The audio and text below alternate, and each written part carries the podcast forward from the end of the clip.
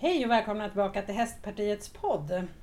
Jag sitter idag i eh, Vadstena, eller Vadstena kanske man säger, och eh, träffar Charlotte Stark, en hästtjej som numera är en superföretagare och har gett sig in på en väldigt ny spännande bana. Hej Charlotte, tack för att jag får komma. Hej, vad roligt att vara med. Hörru du, vem är du och vad gör vi här egentligen? Ja, det är lite kul. Jag, är Charlotte Stark som sagt, jag är 29 år, kommer från Väderstad och en bakgrund med eh, hoppning. Ehm, nu bor jag i Stockholm och har en pop-up här i Vadstena under sommaren. Ehm, just nu så är, eller just nu, men det vi gör här i Vadstena det är att vi presenterar vår konst. Eh, vi säljer egendesignade tavlor och posters. Ehm, um, där vi har hittat ett koncept som går ut på att vi blandar gammal konst med moderna element.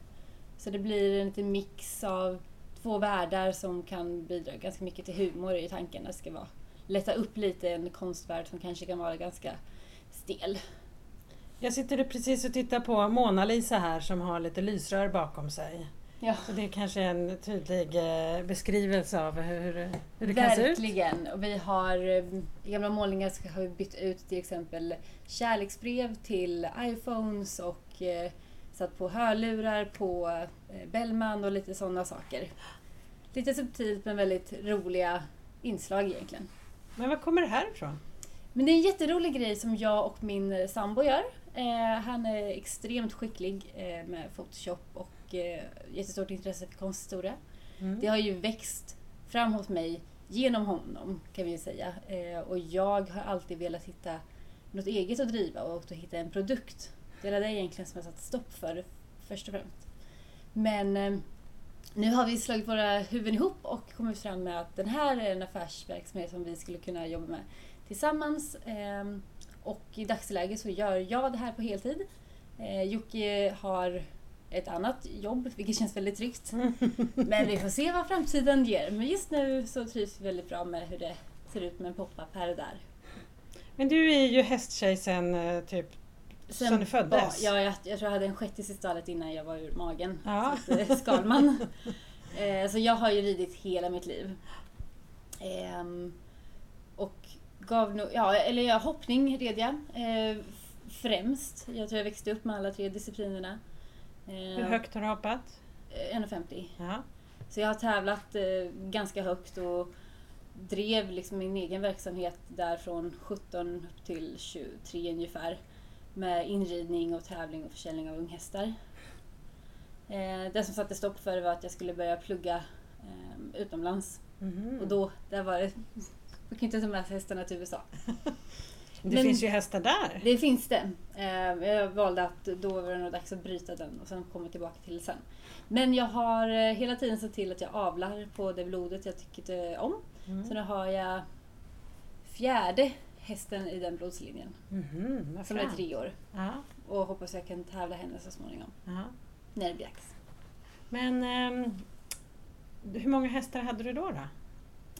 Um, när jag var som mest så hade vi säkert åtta hästar under utbildning. Mm. Ehm, har alltid...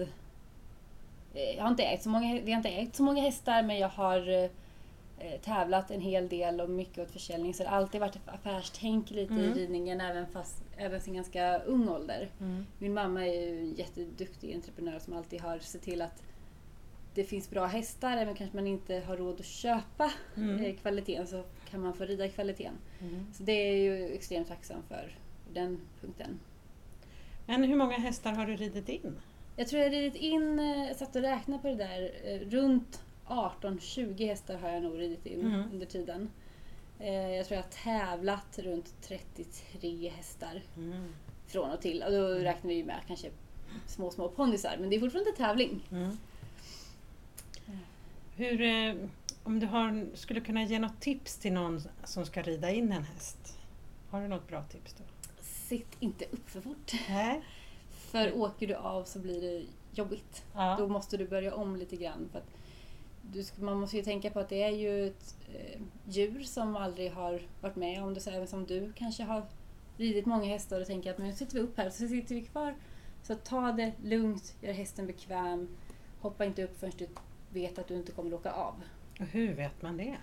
Man får ett förtroende. Okej. Det här bandet med hästen Ja. är väldigt viktigt när du tävlar men, när du rider in för att skapa en bra start för en ung häst i, som ridhäst Mm. så ska inridningen vara så kontrollerad och säker som möjligt. Fränt. Man har ju gjort, man har ju flugit några gånger så man har lärt sig. Jag förstår. Har du någon favorithäst genom tiderna? Ja, jag har um, tre hästar om jag får vara lite sån. Jag har som uh, C-ponny så red jag Dimmans Eros, vilken är en... Han var en väldigt framgångsrik avelshingst, uh, en C-ponny. Han var fantastisk. Ehm, han var egentligen det som satte att jag kunde börja hoppa på lite nivå. Mm. så, tävla SM och lite så. Sen är det aerobic. Robban, första hopphästen. Ofta korsgalopp, men vi red SM och allt. Alltså, hjärta av guld. Mm. Och sen var det den sista egentligen hästen, Jasmin av Hagalund, som såldes eh, till Philip Hertz när vi var på Flyinge. Och det var precis när, det blev, eh, när vi, den hästen blev såld. Som jag bara, nu åker jag till USA. Ja, Nu räcker du klar med det. Ja.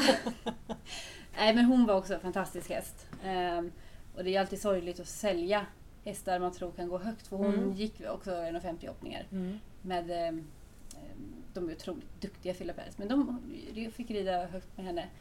Men eh, det var väldigt, det är väldigt ehm, bekräftelse för en själv att någon tycker den är så fin så de vill köpa häst. Ja, men Det Mm. är väldigt roligt att sälja hästar till bra människor. Mm. Men att göra business inom hästnäringen är ju inte alltid alldeles enkelt. Nej, man Dels- tjänar inte så mycket pengar. Det är inte därför man rider. Nej, och jag tänker att det är många som är tusenkonstnärer och Mm. inte bara konstnärer som ni är här inne. Men att man jobbar med väldigt många olika saker. Ja. Hur tror du att det är... eh, Alltså vad beror det på att man inte kan tjäna så mycket pengar i hästbranschen? Jag tror det är... Dels är det väldigt svårt att ha köpare eh, som kan betala den pengen för att du skulle kunna gå runt. Mm. Det är ju väldigt begränsat antal och då ofta gärna, man jobbar ju mellan bolag till bolag då, det är en annan form. Mm. Ehm, sen inser jag nu att jag har gett mig in i konstvärlden som inte heller är speciellt lukrativ. Men eh, det blir roligt, hästar och konst. Ja. Nej, men jag tror det är svårt att tjäna pengar på hästar för att det är såna otroliga period... Det kostar så mycket att ha en häst. Mm. Oavsett om du är företag eller har stall eller hyr in. Det är väldigt mycket pengar. eh, Du måste ha ganska mycket hästar för att kunna få marginaler på dem. Mm. Det är en bransch som kanske inte av naturen går att tjäna pengar på. Men man vill gärna göra det. Så man får kämpa som en idiot. Mm. Mycket hårt arbete. Mycket hårt. Mm. Men när det går, då är det roligt. Ja. Vad pluggade du i USA? Jag började faktiskt plugga i, på Ultuna. Mm. Eh, först och främst skulle bli agronomekonom. För att mamma var agronomekonom. och inte för att hon pressade till mig utan det var, det var naturligt för mig att tycka att det ska jag bli. Mm. Sen blev jag kl- klar eh, ekonom efter tre år och kände att nej, nej, lantbruk, nej, inte agronom. Jag skiter i det och åkte till USA istället och gjorde en dubbelmaster där och där läste jag en master i marknadsföring och en i business. Mm.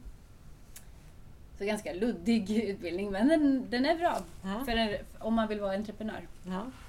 Men att vara entreprenör är inte alldeles enkelt. Upplever du att eh, ditt eh, liv inom hästvärlden har präglat dig som företagare? Så mycket. Hur då? Jag, jag kan ju jobba tills jag somnar och så fortsätter jag jobba lite i drömmen. Alltså, Ja. det här äh, knegandet sitter i en. Vilket det säkert gör i andra människor. Men det känns som att hästmänniskor, vi har pannben. Mm.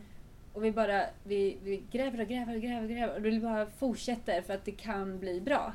Det är ju som att sitta och jobba med en, en ska jag säga, en, en bråkig häst. Mm. Men du fortsätter ju jobba med den här bråkiga hästen för du tror på den. Mm. Så där känner jag lite ibland när det går upp och ner och så jag säljer inte. Men det är bara att fortsätta knega. Mm. Jobba, jobba, jobba för det är det här jag vill göra. Så tror jag många, alltså många tänker väl så, men hästvärlden i sig, vi fortsätter jobba för det här vi vill göra. Mm. Och så kommer vi igenom det. Det har nog präglat mig väldigt mycket. Mm. Jag tänker när du var i USA, då var du, hur länge var du där? Jag var där i två år. Ja. Och då hade du inga hästar eller du var red Nej. någon annanstans Nej, eller var jag du helt inte. borta från ridningen? Jag var helt borta från det. Eh, visst fanns det idéer om att jag skulle hitta något stall och sådär men jag ville då lägga fullt fokus på, på att eh, plugga istället. Ja. Jag bodde i... Det var ett jättebra universitet som gjorde att jag kunde byta campus eh, efter en examen. Så jag var i San Francisco, gjorde en sommar, man fortsätter plugga över sommaren där, det är därför det Mm. gick ganska fort. Eh, gjorde en sommar i New York och hade ett praktikplats då också. Ehm, och sen gjorde jag sista året i Boston. Mhm. Så du flyttar runt lite? Jag flyttade runt. Mm. Jätteintressant. Eh, tank, jag hade någon idé om att jag skulle flytta till New York, jag skulle bara totalt byta bana, jobba inom mode i New York. Ja. Gjorde tre månader där. Aldrig. Aldrig att jag skulle göra det nu. Men det är jättenyttig erfarenhet. Och Mm. samma sak där. Att bo i USA var både glamoröst och fruktansvärt. Men man jobbar igenom det för att det kommer bli så bra när det är över. Mm. Och det blev ju fantastiskt, det var ju två underbara år. Men man fick verkligen lära känna sig själv och möta sina, sina gränser. Mm. Vilken av städerna gillade du bäst då? Boston. Boston? Mm. Den tyckte jag var lagom. Mm. Man kan säga, New York var för högljudd och lite, om man säger så, Mm. väldigt mycket råttor. Eh, San Francisco var underbart med väldigt mycket tech. Boston var en väldigt harmonisk stad. Men eh, när jag var i San Francisco sist upplevde jag att det hade blivit väldigt många uteliggare och inte alls Ja. lika fin stad som det kanske var för 10-15 år sedan. Nej men jag tror också det, det är så, absolut var det så. Det var mycket hemlöshet tyvärr i San Francisco. Det är samma sak som om du, om du bor eller besöker New York. Mm. Jag skulle nog inte vilja bo i New York igen men jag skulle vilja besöka det igen. Ja. För du ser inte riktigt allt Mm. som kanske inte är så glamoröst. Tog du en sån här tur i Central Park på, på, med hästvagn? Nej. Nämen, det måste man väl göra? Det kändes så turistigt. Ja, Och jag skulle ju bo där och leva life. ja visst. Ja. Nej, men det var en underbar period, men det har också... Jag tror kombinationen av knegandet av eh, hästvärlden och verkligen brinna för att tävla och jobba Mm. För att tävla. Mm. Eh, plus att utbilda sig var en, eh, blev en väldigt bra kombination för mig. Men eh, nu tänker du kanske ge dig tillbaka in i tävlandet igen? Ja, Ja. jag har ju avlat. Vad har du för ambitioner? Vad är det för mål? Det är så roligt när man frågar, ja, men rider du? Nej, men jag har lite hästar. Ja. De går i hagen. Ja. Eh, Och vilka hästar, vad har du för häst nu då? Eh, Just nu har jag eh, Superduper Strong heter hon. Det var Ja. ju bra val av namn. Precis. Men det kommer att låta jättebra. Charlotte Stark och Strong. Eh, och henne, eh, hopphäst då som jag hoppas att jag kan eh, tävla. Hon är tre år nu. Eh, utbildas av mamma och eh, and, andra människor som är jätteduktiga. Jag har inte riktigt tid att göra det kontinuerligt så jag vill inte komma in och sitta på henne en gång varannan månad Nej. bara för att jag ska sitta på en häst. Då får jag låna mammas hästar och rida Mm. liksom riktigt dressyr. Så får utbildningen av superduper ske ehm, av mer erfaret folk.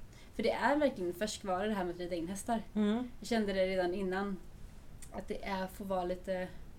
Jag är inte den som ska rida in mina hästar bara för att det är mina. Nej. Utan det ska vara rättvist mot hästarna. Mm. Så ambitionen med henne är ju skyhöga. Hon ska ju gå OS och allting. Så att Jaha, men när får vi se dig och henne Ja, på OS då? Ja det, ja, det är ju ett bra tag kvar. Jag ska ju också redo. Nej, men tanken är ju att jag ska tävla henne när hon eh, är redo för kanske ta över henne när hon är 6-7. Ja. Att jag då tar henne som min häst. Och då hoppas jag också att kanske vår verksamhet här har blivit mer stabil. Mm. Ehm, att man har mer tillgång, ja, mer tid att eh, lägga på en hästsvila. Nu finns det inget mer än de här posterserna och tavlorna i mitt liv. Så hälsar man på hästarna och myser. Mm. Det roliga nu är att vi bor i Väderstad, eh, i flickrummet, eh, under Mm. tiden vi har pop-upen eftersom den är så nära Väderstad. Eh, och då får jag ju rida en hel del Mm. och hålla på och verkligen känna in att behovet av hästarna Ja. har blivit större. Jag Mm. trodde nästan man skulle kanske dämpas med tiden. Mm. Men när man kommer tillbaka känner man att oh, den här hästdoften, halm. Alltså, det är något speciellt som händer i en när man kommer tillbaka till hästar. Mm. Och när du då var borta från hästvärlden, vad gjorde du då för att reflektera eller för att liksom slappna av? Fanns det något annat andningshål då? Ja, jag tror, det här är eh, utstickare kanske, men jag tror att om man tävlar ganska högt och hästar i ens liv Mm. och sen ska man göra något annat, då får man en liten identitetskris. Mm. Vilket jag fick och hade nog ett bra tag. Jag visste inte riktigt vad min nytta var. Mm. Även om man skulle plugga men man måste ha något annan purpose. Och jag eh, jobbade, inte jobbade, men jag var jag utbildade mig till PT, tränade Mm. väldigt mycket, hittade liksom en, en, en nytta där i som jag kunde och eh, sen så gjorde jag också en, jag hade lite PT online business när jag var i USA. Mm. För jag vill, jag, någonstans vill man göra någonting, skapa någonting, driva någonting. Eh, som inte bara är studierna, för det handlar bara om uppsatser. Mm. Om man kan tänka så. Jag har alltid velat ha någonting på gång hela tiden. Mm. Och då var PT var ett bra sätt att Mm.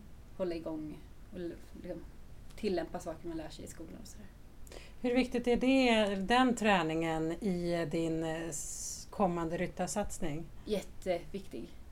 Ehm, ja, om- man ska säga, när jag, om jag vill börja tävla igen så måste ju min kropp vara med på att vi ska börja tävla igen. Ja. Och eh, bara för att hålla mig vettig som person Mm. känner jag att träningen är ganska bra. Mm.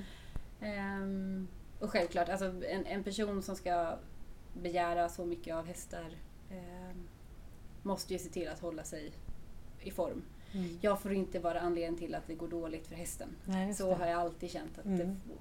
Bara för att jag hoppar mellan att rida och olika karriärer sådär, så får inte min fysik bli sämre och orsaka att hästen inte kan göra det bra ifrån sig. Mm. Hur, eh, har du några bra träningstips till de som lyssnar? Om man nu liksom behöver utöver sin ridning. Jag ehm, gör väldigt mycket, jag, springer ganska mycket nu för tiden. Jag Mm. varierar olika träningar. Och så gör jag väldigt mycket, jag har börjat yoga väldigt mycket. Mhm. Eh, vilket jag aldrig riktigt förstått eller uppskattat. Men den, dina inre muskler, eh, kroppskontrollen. Att liksom kunna hoppa, hoppa och ändå ha full kontroll över dig. Mm. Ofta ser man folk som slängs lite och du dras med tygen. Yoga har blivit ett sätt för mig att ha, titta tillbaka till den här kontrollen. Ja. Eh, Så den, yoga är väldigt bra. Mm. Ja, vad härligt. Ja, men det är klart att man eh, måste ju själv vara i Grand Prix-form om man ska komma till Grand Prix kanske. Ja, jag tycker det är, det är orättvist annars. Mm. Mm. För vi putsar så mycket på hästarna och vi ger dem så mycket rätt saker så att då bara äta bullar för att det är snabb energi, inte riktigt rättvist. Mm. Och du, man, kommer ju, man mår ju bara bättre psykiskt. Mm. Ehm, I alla fall mina så ambitioner att jag ska ridtävla sen är mycket mer verkliga för mig om jag håller mig fysiskt och psykiskt i form. Mm. Ja, det är nog jätteviktigt. Du är ju nu företagare, entreprenör, inte just inom eh, hästbranschen just nu, men du har ju varit det. Upplever du att det är problem att, vara företagare i Sverige? Eller liksom, allt funkar det bra? Ja, jag har gjort det här i ett år nu. Ja. Ehm, jag har gjort lite saker innan men det här är det jag känner att det här skulle jag faktiskt kunna leva med Ja. på. Um, och bra och bra att vara företagare. Man är ju väldigt utlämnad. Ja. Ehm, och så får man ju kämpa som en tok för att försöka. För det blir ju verkligen så här, någon måste ju vilja ha de här tavlorna. Mm.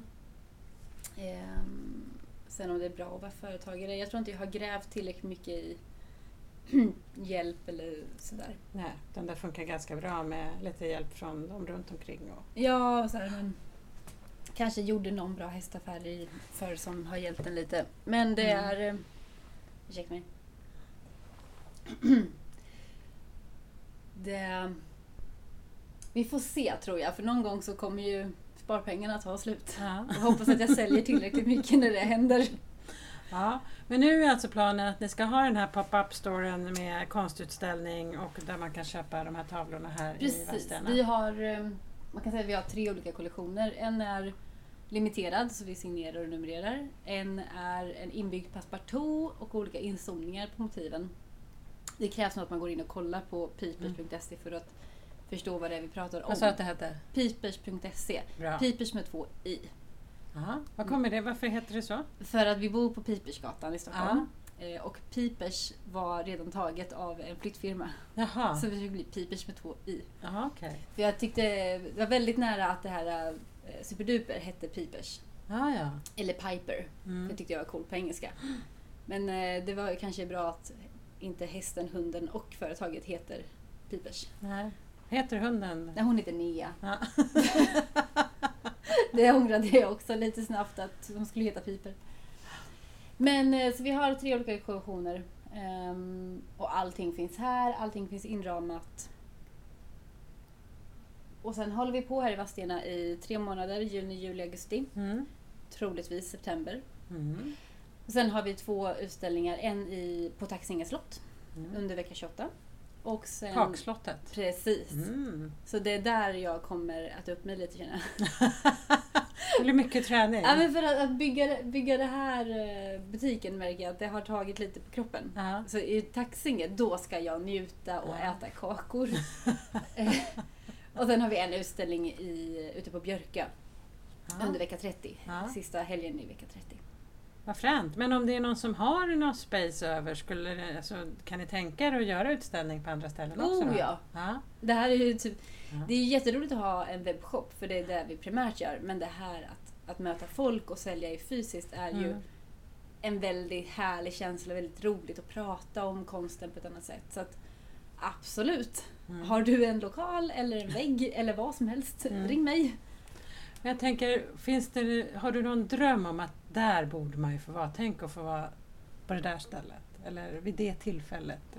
Något event eller... Har du någon kompis på Nationalmuseet? Ja, eller annat. Fotografiska? Ehm, nej men vi, jag hoppas ju göra någonting i Stockholm. Mycket för att Jocke är från Stockholm och att vi bor där just nu. Ehm, med alla sådana här lite idylliska, häftiga slott eller Mm. jag vill bara häftiga miljöer där det får leva ut lite. Nu har vi en underbar lokal. Eh, alla former av slott Mm. och saker som folk besöker är ju trevligt.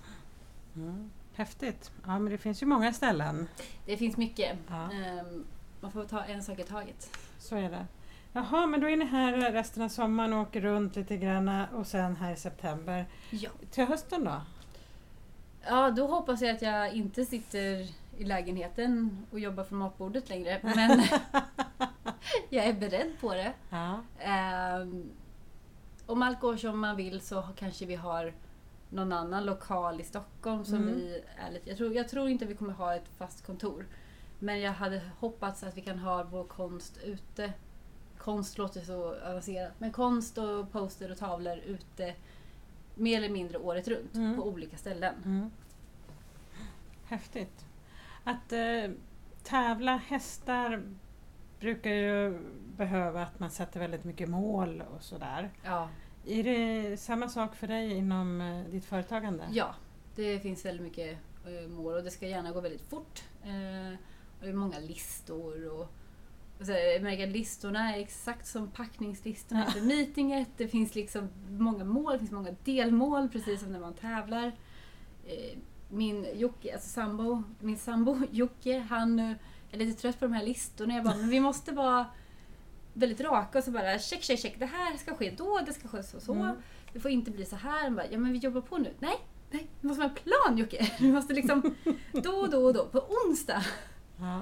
Eh, Men vad händer om, alltså hur hanterar du om det inte blir som listan var tänkt? Det beror på hur stor eh, besvikelsen är. Ja. Det mesta kan jag bara, okej det hände, nästa då har vi plan B eller plan C eller plan Eh, K. Ehm, så ehm, väldigt mycket kan jag bara, okej det funkar inte, vi tar nästa sak. Mm. För det finns alltid en idé om att det kanske inte funkar. Mm. Sen händer det ju större saker som gör att man bryter ihop Mm. lite. Då får man bryta ihop i tio minuter och sen så får man hitta en annan Mm. lösning. Så jag tror återigen det här att man ser till att lösa det. Mm. Är det också någonting som du kan dra paralleller till, till din ridning? Ja. Allt, ja verkligen. Alltså du kan ju inte bara... Alla misslyckas men det handlar ju om att om, sitta upp igen och rid. Mm. Och hitta en annan, alltså ändra ditt sätt. Du, för du kan ju inte bara misslyckas tio gånger med att göra samma sak. Du måste ju ändra på dig, Mm. ändra små saker. Mm. Vi testar det här istället, vi gör det här istället. Så utbilda dig själv lite grann genom dina misstag och så Mm. kommer du hitta en lösning. Mm. Så känner jag att både som person och med hästar och företaget att det är ingen idé att ge upp. Bara fortsätt. Driv dig fram. Och vill du inte längre göra ehm, så att man inte vill, men jag vill inte sälja de här posterna längre. Nej, men hitta något annat att göra som du kan fortfarande kan driva dig fram. Mm. Ha hela tiden ett driv i dig. Det är Mm. det jag känner att Stå Det aldrig still. Nej, stå inte still och fortsätt. Är det inte roligt längre, för det kan ju hända. Bara sluta. För det är Mm. ingen idé att knega med någonting du inte tycker är roligt. För det är mycket jobb. Så det är, mm, jag tror också man ska lära sig väldigt mycket att känna av när, när är det inte riktigt värt det längre. Mm. Mm. Och bryt och gå på nästa sak. Mm. Så jobba som en tok men se till att ha roligt. Ja, ha väldigt roligt för annars är det här riktigt tungt. Vi har ju suttit här, vi har på och byggt och vi har på med att packa årar och försöka sälja de här. Och om man skulle stanna upp och bara, men det här är inte alls roligt, bara rullar jag någonting som inte funkar. Nej, då ehm, får man bryta och göra någonting annat. Livet är långt. Ja. Du har ju ändå varit med nu i eh, hästvärlden ända sedan du föddes och och på många olika sätt. Och du har eh, föräldrar som är entreprenörer och, och det händer mycket saker runt omkring. Och, hästnäringen är ju ganska stor. Det är ju inte bara du som rider Nej, utan det är väldigt många, många andra. Ja. Har du sett någonting som du tänker att om jag vore minister för en dag, vad skulle du förbättra då för hästnäringen? Alltså det jag tänker på är ju något som har varit på tapeten väldigt länge och liksom, även när jag var företagare var någonting man liksom var lite orolig för. Eh, för det kan komma tillbaka tre år. Men det är ju konsumentköplagen. Mm. Eh, speciellt nu när jag sitter och säljer tavlor. Det är ju en produkt, alltså är den defekt så kom tillbaka med den. Men Mm. en häst kan ju inte göra det på samma sätt. Det, jag kan inte jämföra en tavla med hästen. Mm. Eftersom du är på båda sidorna så blir det väldigt tydligt hur knasigt den är. Ja. Hur skulle man behöva exakt göra lösningen. då? Hur länge kan man eh, säga att man skulle kunna ha någon form av ångerrätt eller så på en häst? Vad skulle inte vara rimligt så mycket men, men ett halvår max. Ja. Det var någon som berättade då- för mig att i Danmark hade man åtminstone tidigare någon lagstiftning att det fanns 28 dagar. Ja, men jag tycker den är rimlig. Alltså är det dolt fel, det är Ja. ju en sak. Ehm, men det måste det finnas någon gräns där också om det kan ju drivas fram av viss ridning. För det går ju ganska snabbt för en person att inom parentes rida sönder en Ja, häst. ja. Ehm, så du kan inte lämna tillbaka en häst två år senare för att du har ridit sönder den och skadat ryggen. Ja. Det är inte rättvist. Ehm, 28 dagar, absolut. Men eh, hinner man på 28 dagar, om du köper en häst, om du sätter dig liksom i köparens sits, Ja. Hinner man eh, se de här eh, eventuella konstigheter? För det finns ju en del hästhandlare som inte är så schyssta också. Det är Ja, det ingen gör det. eh, lätt bransch. Men jag tycker att det borde finnas olika grader av det. Mm. Dolt fel är en sak. Att hästen är... Alltså, så- säg att den är farlig eller Mm. någonting och det kommer fram efter en viss period. Då kanske det är någonting. Ehm, men att den har ont i ryggen efter ett halvår. När den inte haft några tendenser till det. Då en hästförsäljare kan ju också mörka mycket saker. Mm. Så det är därför det ska vara skyddat. Men jag tror det ska finnas olika grader Mm. om vilken form av skada eller Ja, fel som kommer fram. Mm. Så en egen lagstiftning för eh, att köpa och sälja djur helt enkelt. Ja, Mm. det känns väldigt rimligt. Ja. För det är inte samma sak som en tavla eller kylskåp. Och det känns ju lite schysstare mot djuren också, så inte de hamnar, Ja, för hamnar i de, kläm. de, det är ju jättemycket hästar som far illa Ja. av det här. Och skickas fram och tillbaka mellan ställen. Ja. Nej, det är inte bra. Nej, nej, men verkligen inte. Ja, men du Charlotte, Charlotte Stark, upplever du att du blir peppad av ditt efternamn? Ja, det, här tycker jag var så roligt. När jag red aerobik, Robban, så var det någon lagtävling och han spiken och bara Charlotte Stark på aerobik. Ja, det kan ju inte gå annat än jättebra. Jag kände att absolut, vi rider. Ja, Nej men det, namnet är bra. ja, Det är en rolig grej att hitta stark. ja. Var kommer det ifrån? Eh, släktnamn, var det kommer ifrån, soldatnamn. Okej. Men det är svenskt? Ja. Ja, Och så har jag ju Fox på mammas sida så det finns bra namn. ja verkligen. ja, nej, men det är väl viktigt att man känner att man är sig själv. Ja. Ja. Nej, men- men det är bra. Tack snälla för att jag fick komma hit. Och Men jag tänker en sista grej, Mm. om du kunde ge de som lyssnar. Det är ju många eh, hästmänniskor som kanske går och funderar på om man ska dra igång något eller inte. Om man nu skulle vilja starta ett företag, har du något tips att skicka med? Ska du fråga personen som sa upp sig under pandemin? Som var permitterad? Ja, okej. ja. Eh, bara gör, alltså gud vad tråkigt eh, peppningsgrej, men kör bara. Man Ja. behöver absolut inte satsa allting på en gång. Gör det samtidigt med ditt andra jobb. Men har du någonting du, du faktiskt tror på och skulle vilja prova, starta ett bolag. Det är ganska enkelt. Var enskild firma ett tag. Vad fränt. Ja men Ja. hörni, då kör vi bara och ehm, fortsätter så. Ja. Så får jag önska lycka till här med alla tavlor. Tack så Och jättemycket. så vill jag ha en biljett till OS där när du ska tävla. Ja, och eh, ta gärna en kontakt på fotografiska. Ja, men alltså, jättekul att eh, få vara med. Ja, bra. Och till er som lyssnar så kommer ett nytt spännande avsnitt nästa vecka som vanligt. Ha en jättebra dag. Hej då!